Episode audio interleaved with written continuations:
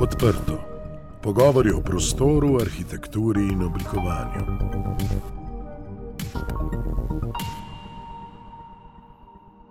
Pozdravljeni v podkastu Odprto. Z vami sem Lenka Kavčič. Tokrat gostim Aleša Žmavca, ki skupaj z Maticem Škarabotom predstavljata vodilno silo v biroju od do arhitekture.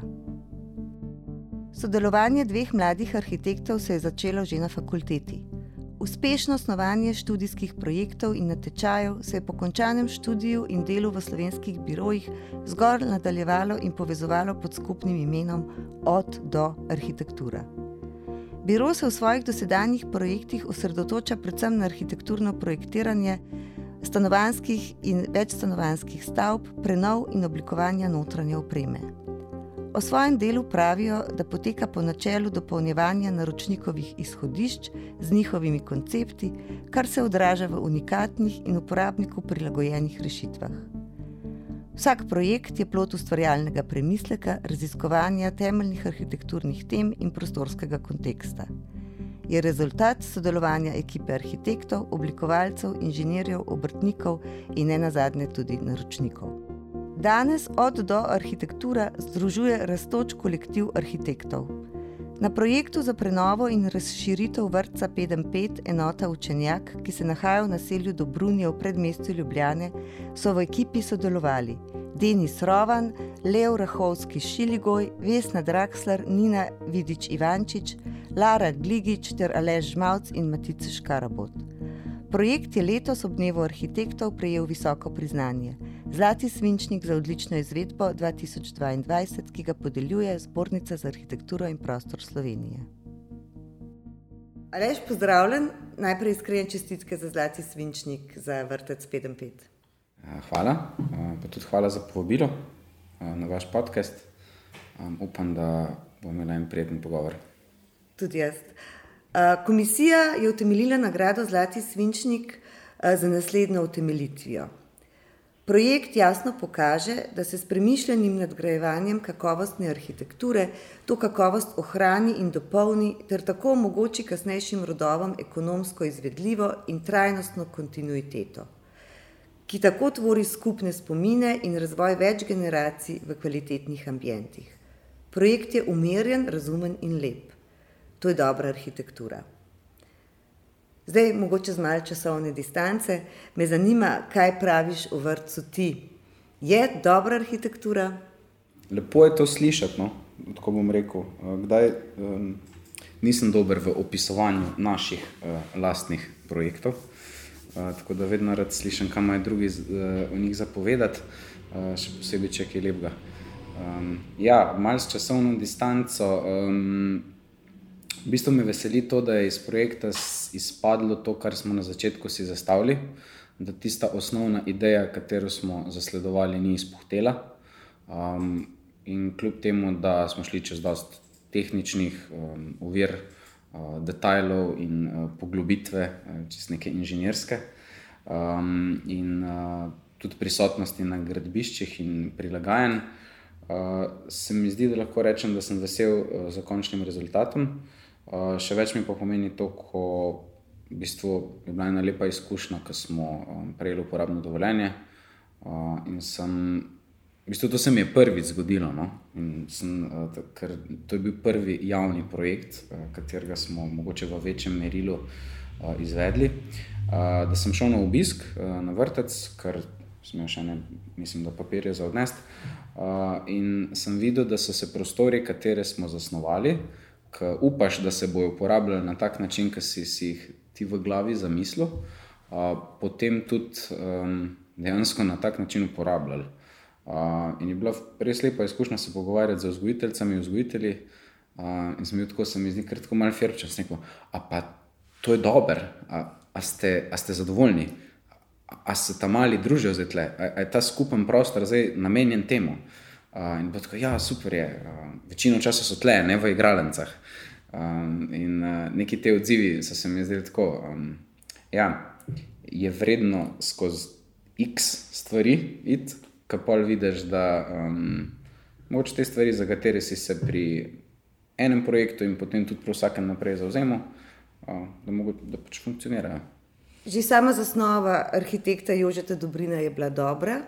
Uh, verjetno ste imeli tudi kakšne dobre uh, zglede, uh, primere dobrih praks, ki ste jih upoštevali pri tem projektu. Ja, um, kot ste omenili, obstoječi objekt je imel kvalitete in je bil tudi prepoznan strani profesora Koželja kot ena posebnost uh, stavb izobraževalne uh, arhitekture v Sloveniji. Uh, mogoče bi ga lahko skoraj primerjali s kakimi altovskimi vzgledi, z gubanjem enokapnih streh, uh, visokimi prostori v nadstropju, uporabo opečne fasade, že obstoječe stavbno pohištvo je bilo v zeleni barvi. Bil je skoraj kot en manjši paviljon v naravi, v, bli, v bližini Ljubljane. In tudi njegova okolica je bila lepo urejena, ravno z tega vidika, ker je bil res vrtec v zelenem okolju. Mi smo v bistvu vzeli zgor te izhodišča, katere so se nam zdela dobra, in jih probali nadgraditi z potrebno razširitvijo, uh, katera je zahtevala zaradi uh, demografskih potreb okolja. Uh, seveda smo pa v njej tudi videli nekaj stvari v stavbi, ki so bile potrebne spremembe in jo približati trenutnim standardom oziroma trenutni želji, potem v kakih stavbah želimo izobraževati najmlajše in kaj te stavbe predstavljajo. Osnovna ideja tega projekta je bila, oziroma manjko, ki smo ga skupaj tudi z uporabnikom znova in znova razbrali, je bilo to, da vrtec ni imel skupnih površin za druženje otrok različnih starostnih skupin. Garderobe so bile v bistvu prostor, kjer so se lahko otroci skupaj povezovali in družili. In osnovno izhodišče je bilo, da zagotovimo v tem vrtu dva nova skupna prostora za smiselno reorganizacijo, notranjo in da bo ta razširitev notranji prostor odprla na način, da bomo dobili tako športno igralnico za otroke više starostne skupine in povezovalni skupni igralni prostor za otroke v pritličju, kateri so večinoma jaslični oddelki. Kot biro ste recimo razmeroma mladi, v arhitekturi so mladost in starost opredeljeni zelo drugače kot v realnem življenju. Uh, in od leta 2018 uh, imate, delujete skupaj v tej ekipi, v biroju od do arhitekture. Zanima me, ali ste se morda na začetku spopadali s predsodkom, da ste premladi, da ste premali izkušeni, uh, da bi prevzeli kar zelo velike uh, odgovornosti za načrtovanje zelo pomembnih prostorov. Mm, mislim, začeli se tako v bistvu direkt po zaključku študija, ko smo z Maticem tako naivno rekla, kaj če bi pa mi dva eno majhno pisarno si nekaj najela. Pa to sodelovanje, ki smo ga imeli prej na fakulteti, enostavno podaljšala. No, pa vidva. Um, tako da v bistvu se vsaka stvar se začne z majhno, pa pa počasi raste v mečkeno večjo. Um, jaz še vedno mislim, da imamo se ogromno za naučiti, sem pa skozi učil, uh, napake delali, uh, napake rešvali. Um, Tako da um, je bila to bolj neka radovednost in ta radovednost še, mislim, da nas žene naprej. Um, ja, zdaj ekipa raste, um, razvijamo se, upam, da v pravo smer. Um, učimo se na malo tudi večjih napakah um, in um, mislim, da gremo skupaj um, k nekem dolgotrajnem napredku. Um, kar se pa tiče odgovornosti, um, pa v bistvu je vsak projekt je zase veliko odgovornost. Zdaj, ali je to ena mečkena prenova stanovanja, um, zasnova mogoče bolj ambiciozne hiše, um, zasnova večstanovanskega objekta, um, javno izobraževalnega objekta. Um, Máš vedno odgovornost do tega človeka, ki pride nasproti tebe in ti zaupa um, vse v pomoč na nek način. Tako smo na začetku tudi razmišljali, ker um, Arhitektura je seveda povezana z gradbeniško stroko, tesno, ker jo tudi tam materializira, in je povezana tudi z vložki. In če so te vložki pri, za, za vsako osebo različni in uh, predstavljajo tudi neko breme, neko upanje, mogoče v boljši jutri, kaj bo uh, ta angažma strani arhitekta in upletenosti investitorja njim doprinesel. Tako da smo se vedno na tak način lotevali, da nobena stvar ni preenostavna, premajhna ali pa prevelika, da si ne bi zaslužila pozornosti. Um, tako da um, je to, če mogoče rečem, da um, smo z Maticem sva svoje prakse nabirala tekom študija, kontinuirano po slovenskih birojih, ampak potem, ko pa um, smo se odločili, da bomo mogoče takoj po zaključku študija z ne ogromno količino prakse um, začela nekakšno samostojno sodelovanje. Uh, je pa v bistvu to ena tako dobra izkušnja, ker dokaj hiter um, moraš dati tudi svoj ego, precej na stran. Uh, tako se mi zdi, da um, na fakulteti, katerikoli, uh, je um, tendenca ta, da delaš uh, velike projekte, se primerjaš mogoče za študenti, uh, želiš dobre ocene uh, in tako naprej. Uh, potem pa hitro ugotoviš, da je pa zelo pomembno, da začneš druge poslušati. Da tvoje, da tvoje znanje vedno rabi dopolnjevanje in sodelovanje. In, um, mogoče je tako, taka, um, tako se kdaj šalim, da um, priporočam vsakmu to, um, da uh, mu pade kakšna opeka na glavo, uh, metaforično gledano, uh, in uh, ugotovi, da uh, verjamem, da si v bistvu ne samo v naši stroki, kjerkoli boš uspešen, če boš reševal problem nekoga drugega na način, da mu boš doprinesel dodano vrednost in da bo to sodelovanje rezultiralo v obojestranskem zadovoljstvu. Sodelovali ste tudi s knjižnico Otona Župančiča, ker se je na vides manjši poseg in preprosta naloga izkazala za precejšno reorganizacijo sistema izposoje in vračila gradiva. Kakšni so bili tukaj odzivi uporabnikov? Kako se ta organizacija v resnici obnese?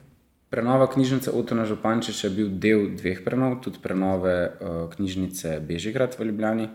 Uh, izhodišče je bilo to, da se sprememba delovanja knjižnice je narekovala tudi spremembo prostora, katera definira pot in uh, interakcijo s prostorom, interakcijo uporabnika z prostorom. Uh, tako da to je bilo izhodišče, kako to spremembo v načinu uporabe tudi treba interpretirati v sami prenovi. Naročnik je v bistvu zelo pomemben del vsakega projekta. Predvsem njegova želja, da se v prostoru nekaj zgodi, spremeni, obnovi. V vašem biroju postavljate odnos z naročnikom v ospredje. Poleg tega prisluhnete potrebam in željam, kaj si naročnik želi, morate pa ga tudi prepričati v neke premišljene, sodobne, avantgardne, še ne videne arhitekturne rešitve. Kako to poteka? Kakšen je v bistvu dober naročnik? V bistvu, tako kot se je naša pisarna začela, ko so začela z Maticem sodelovati, uh, ko so zaključila fakulteto, je bilo tako, da vsak, tako kot je vsak projekt poseben, je tudi vsak naročnik poseben. Tako da v bistvu prvi sestanki malo temeljijo na tem, da se pogovorim in damo na nek način domačo nalogo, da se izbistrijo svoje misli. Uh, v bistvu najprej pridejo polni idej in želj, uh, ali je to javni ali zasebni naročnik. In v bistvu želimo, da izčistijo svoje ideje, kaj želijo tudi oni do tega projekta doseči, in na kak način bo ta projekt ali spremenil način, kako bojo živeli, ali pa na kak način bo to podjetje za svojimi poslovnimi prostori komuniciralo z zaposlenimi in strankami, in kaj bo s tem prostorom sporočalo tudi na vzven. Tako da vzamemo vsako stvar, mogoče majčkim tudi kot izziv. Uh, in pa v bistvu v drugem koraku kot en izobraževalni proces, da v bistvu predstavimo možnosti, uh, se pogovorimo in pokažemo stvari, ki so bile že narejene, kaj je bilo dobro, in šele potem, ko imamo idejo skupno, do neke mere izčiščeno, še potem se lotimo uh, projektiranja. Uh, nikoli mogoče ni ta pristop, da um, to je naša ideja, to mislimo, da je prav, uh, in v to smer bi to zastavili, uh, ker smo arhitekti in vemo ampak mogoče smo malo mlajši, um, pa tudi velikokrat smo rekli, da ne vemo, pa se bomo skupaj naučili um, in probali skupaj nekaj ustvariti. Seveda se potem vse te ideje v prostoru izrišajo, narišajo na papir. Vemo, da je arhitekturni jezik dokaj omejen, prav črta ima ogromno nekih dimenzij. Sodobna tehnologija prezentacije pri tem pomaga, 3D modeli, renderji, Kaj se vam je izkazalo, da je najboljši način, najbolj prepričljiv način in najbolj enostaven tudi za naročnika, da razume prostor kljub temu, da ta prostor še ne obstaja. Kot ste omenili, predstavitvene tehnike so različne. Uh, mogoče smo tega stališča, da povzamemo vse, kar nam tehnologija ponuja, probamo biti v, oziroma smo, verjamem, da v koraku s časom, uh, ampak te predstavitvene tehnike poskušamo čim bolj preplesti med sabo. Um, v bistvu velikrat je tako, da je sestanek v sejni sobi na ekranu in skačemo od tega, da se na ekranu vrti detajlen 3D model, do tega, da po tablici začnemo skicirati. Do tega, da je na mizi ena zelo konceptualna, volumetrična maketa. In v bistvu se te stvari, verjamem, da morajo dopolnjevati in prepletati. Ena stvar je, da si naročnik dobro predstavlja idejo, koncept, druga stvar pa je tudi, da arhitekt, kot arhitekt znotraj prostora, v katerem si, čim lažje, čim hitreje in čim bolj nazorno pokažeš, kaj so njegove kvalitete in te kvalitete poskušaš izpostaviti. Um, ker um, sej, mogoče arhitekturna misel pri projektih mora biti preprosta, da najdeš rečemo temu atribut, kateri je najbolj pomemben, najkvalitetnejši uh, in ti ga potencirati. Uh, tako da ali pri prenovi, ali pa pri prazni parceli objektov uh, skušaš potencirati tiste atribute, ki so kvalitete in okoli teh atributov potem snovati tudi stavbo. Prostor kot tak, ne, seveda se najprej zgradi volumetrično, kasneje ga določajo materiali. Uh, in zdi se mi, da je vaš izbor materijalov prav rdeča nit, ki bi jo lahko potegnili čez vse vaše projekte. Les, kamen, včasih perforirana pločevina in opeka, vedno pa veliko belih, praznih površin. Vtis je, da želite narediti neutralno ozadje za življenje in delo posameznikov? Um, ja, zanimiva prispodoba. Zdaj v tem razmišljam, ampak mogoče tudi to res, ja. se mogoče od tega, kdaj sam ne zavedaš. Um, ne, um, ja, se tako, kdaj mi je zanimivo, ko me kdo vpraša, tako je pa točno na kak način vi projektirate hiše, kako to zgleda recimo, ne, sam si v svojem načinu razmisleka. Uh, in večina ljudi vedno vidi končni rezultat, uh, kot je lahko ena podoba oziroma slika enega objekta. Um, potem pa, ko pa začneš razlagati, da v bistvu, mogoče vsaj jaz, ali pa se mi zdi, da tudi na način, kako pisarne delamo, ne vidimo teh objektov kot uh, končne vizualne podobe, kot nekakšno vizualno podobo uh, hiše, kakšna bo na koncu izgledala, ampak začnemo bolj z nekakšnimi diagrami, povezljivimi schemami, kako bomo dopolnjevali ene prostore, jih združevali in s tem ustvarjamo najprej organizacijo, ko smo z njo zadovoljni, jo nadgrajujemo prostorsko in šele na koncu v bistvu je ta vizualna podoba tista, ki se poskuša skladati v njen kontekst. Tako da izhajamo mogoče bolj iz takega analitičnega pristopa. Um, kar se tiče pa ozadja, katerega kreiramo, uh, je pa tako, bom, tako si jaz nekako predstavljam, da kot arhitekt omogočiš um, v nekem nedefiniranem prostoru možnost, da se v tem prostoru zgodijo nove stvari. Um, recimo, če zdaj gledamo uh, ulico, če se te ulice zaključijo v enem trgu. Potem ta trg omogoča prostor za dogajanje enim družbenim um, vsebinam. Uh, tako kot to govoriva zdaj na merilu mesta, če govoriva pa na merilu, karikiram, vrca, ko so prej govorila, probaš ustvariti nekatere prostore, ki so nedefinirani, ker se lahko neke neformalne stvari zgodijo, ali se to družijo eni malčki, ali pa v zasnovi hiše, kjer so tisti prostori, kjer se bojo ljudje, kateri v njej živijo, lahko preživljajo svoj prosti čas kvalitetno. Pri zasnovi poslovnih prostorov pa iščemo prostore neformalnega druženja in srečanja, da uporabnik oziroma um, oseba, uh, ki deluje ali živi v tem prostoru, ni omejena zgolj na specifično točko, kamor ne bi bila postavljena. Ja, prostori so multifunkcionalni, s tem postajajo, lahko v njih delaš uh, razno razne stvari, kar ti je ljubo. A kako pa z materiali? Materializacija vsega objekta je seveda zelo pomembna. Um, Material je stvar konteksta, v katerem se nahajaš. Um, definitivno je razlika med hišo, če jo gradimo na Gorenskem ali pa v Primorju. Um, kot ste omenili, se ti materiali dopolnjujejo, oziroma vse poskušamo, pa se trudimo, da ti objekti, katere delamo, da skladajo se z okoljem, uh, v katerem so. Um, material nas zanima iz v bistvu, vidika um, taktilnosti, um, tudi kot poudarek v prostoru. Uh, in ko v bistvu, kako te materiale med sabo vibrirajo v končni fazi.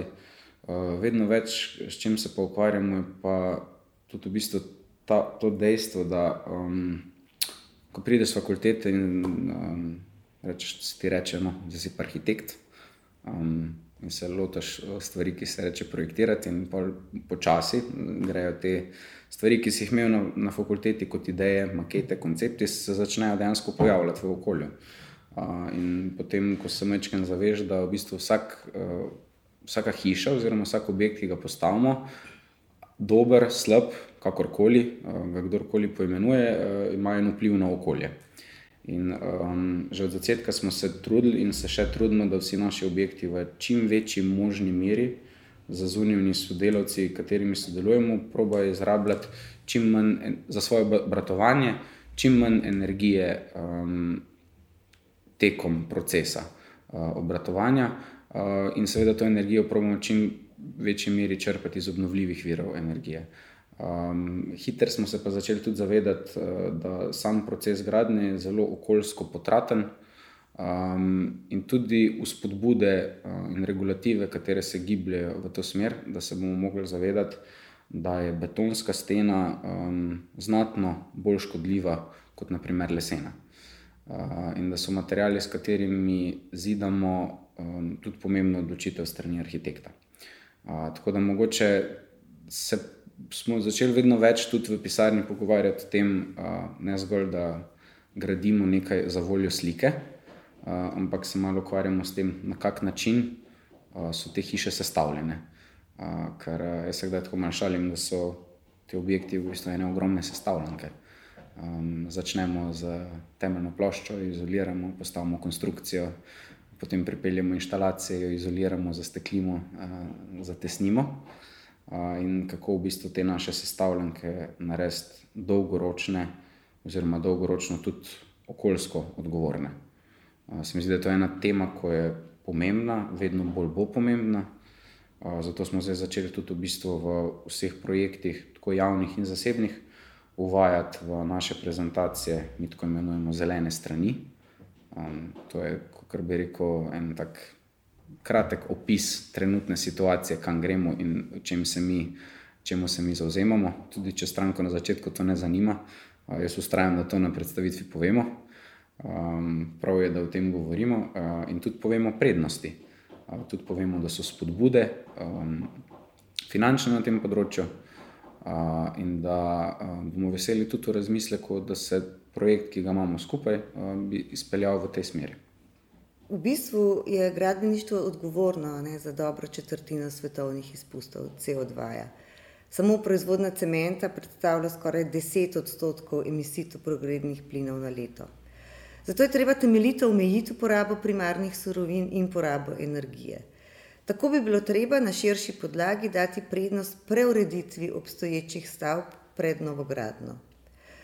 Kje kot arhitekti vidite vi možnost za regeneracijo planeta, ta shift v dojemanju našega sedanjega delovanja in družbe, da bi bili sploh sposobni regenerirati planet in družbo do te mere, da lahko bomo živeli tudi v prihodnosti. Tukaj je vloga arhitekture kar ključna, zato ker vzpostavlja odnos celotne družbe do prostora. Ja, mislim, reuporaba je sigurno ena izmed tem, s katero se vse ukvarjamo in se vedno več ukvarjamo. Seveda, mora biti pa tanka meja tudi med tem, ko ugotovimo, da je prenova smiselna, ali pa se tudi zavemo, da ta prenova mogoče ni smiselna, ker gradimo ne za 10-20 let, ampak upam, da tudi za več. Um, tu mi, kako sem rekel, predvsem tudi vidimo priložnost v razmisleku o materialu, o kateri govorimo. Um, jaz sem mogoče iz te generacije, ko smo na fakulteti se navduševali nad vidnimi stenami, tudi Anda. Um, zdaj vem, da me sploh ne pritegnejo več, um, da me mogoče to tudi ne zanima. Uh, trudimo se v pisarni vzpostaviti to stališče, um, da mogoče ni nujno, kako samo ta stavba zgleda in kako, um, kako jo bomo prezentirali, um, ampak kako je od znotraj sestavljena da smo kritični tudi do tega. No. Uh, to ni vedno lahko narediti, velikrat si omejen z, z proračuni uh, projekta. Um, banalen primer je bil tudi v bistvu podjetje, za katerega smo mogli, oziroma smo delali uh, proizvodno halo in uh, upravni prostor, uh, kjer je bila diferencirana uporaba skeletne uh, betonske konstrukcije. Um, ampak je nekako potem šel projekt v smer, da vzamemo to za dejstvo in potem poskušamo čim manj materijala uporabiti pri samem projektu. Uh, tako da smo se znebili vseh oblog, vseh uh, spuščenih stropov, uh, premislili način, kako bomo to hišo sestavili. In rekli, če bomo pa že na, te, na ta način delali, bomo pa probali čim manj um, porabiti na nek način.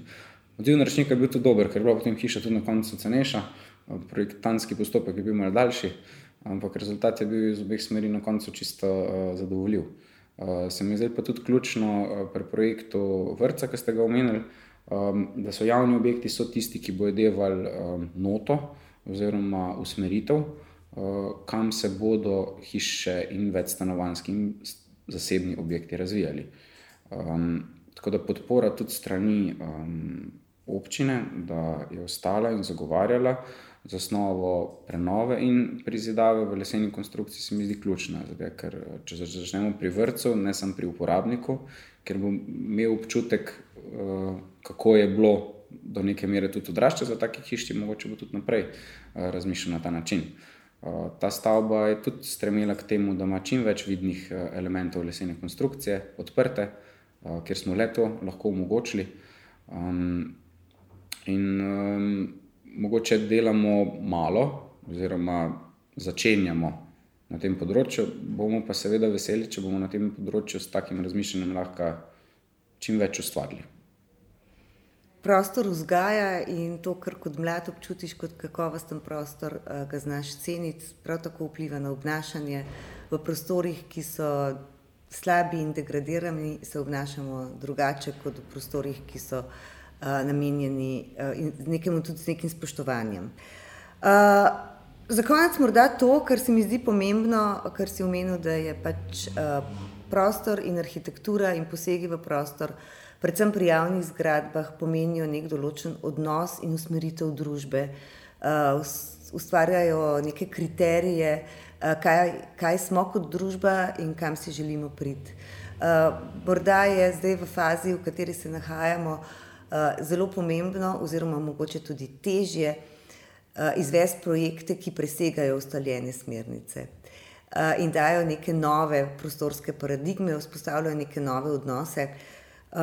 Pa me zanima, ali lahko izpostaviš kakšen projekt, ki je še v fazi razvoja. Takšnega s tem potencialom, zelenim potencialom, regenerativnim potencialom, uh, ki bo lahko, če se bo realiziral, predstavljal neke nove pobude v prostoru. Ja, projektov je dosta v nastajanju, kot sem rekel, v različnih merilih. Um, mogoče en tak zanimiv za izpostaviti. Um, sodelujemo s holdingom slovenskih elektrarn na primeru termoelektrarne Trbovlje, um, ker smo v bistvu trenutno oddali um, idejno zasnovo. Um, taka zanimiva zgodba. Um, objekt, ki je um, zelo degradiral eno okolje, ko smo včasih na kak način pridobivali energijo in uh, na kak način uh, smo jo izrabljali, uh, surovo surovino, da smo prišli do nje, uh, je danes, uh, kako bi rekel, neuporaben. Uh, tam je en kupene infrastrukture, ki je služila svojemu času, svojemu namenu, uh, del je tudi zavarovan, uh, spomeniško. Uh, ta, um, izjemna inženirska vertikala, 360 metrov visok uh, dimnik, um, kater ni za porušiti. In, um, en del se čisti, se odstranjuje, eni tehnični sklopi so pa precej zanimivi. Uh, tako kot človek, ki prideš tja prvič na obisk oziroma na ogled potencijalne lokacije projekta. se ti kar malo zvrti v dimenziji. Vse je povečano krat pet, če ne krat deset. Um, in smo pa v bistvu začeli z idejo, tudi z gospodom Ervinom, direktorjem elektrarne, kaj lahko ponudimo, oziroma kaj lahko oni iz tega prostora izkoristijo. To je prostor v dolini, kjer ni, kako bi rekel, nekakšnega okoliške infrastrukture, ki bi na njega privabljala. Z enim dialogom, sodelovanjem smo začeli razmišljati o tem, da se ustvari tukaj lahko tudi prostor izobraževanja, um, poteka, kako smo pridobivali energijo včasih in kam stremimo, in na kak način bomo energijo pridobivali v prihodnje. Uh, hkrati pa naredimo to prostor za uh, obisk, um, izkust, izkustveno, doživljajsko izkušnjo, z možnostjo uspona, varnega uspona na to vertikalo, in uh, mogoče spusta tudi na kakšen bolj adrenalinski način. Uh, in z, predvsem z čiščenjem, um, prezentacijo uh, in novim ovojem te stavbe, uh, mogoče ponudimo način, uh, ko bi lahko ta elektrarna na en drugačen način zaživela. Um, tako da um, to je en tak projekt, ko je, tako bom rekel, um, vsak je zabaven, uh, ta je mogoče precej drugačen. Um, pa je bila ena tako smešna stvar, da smo se tako pogovarjali o dimenziji eh, te vertikale, pa si enostavno nismo znali predstavljati tam na načrtu. Narišeš karkoli, daš kotnico, pa kar nobena kotnica ne naredi eh, pravice, eh, kar si umestil. Tja, ker so vse eni veliki, um, velike dimenzije.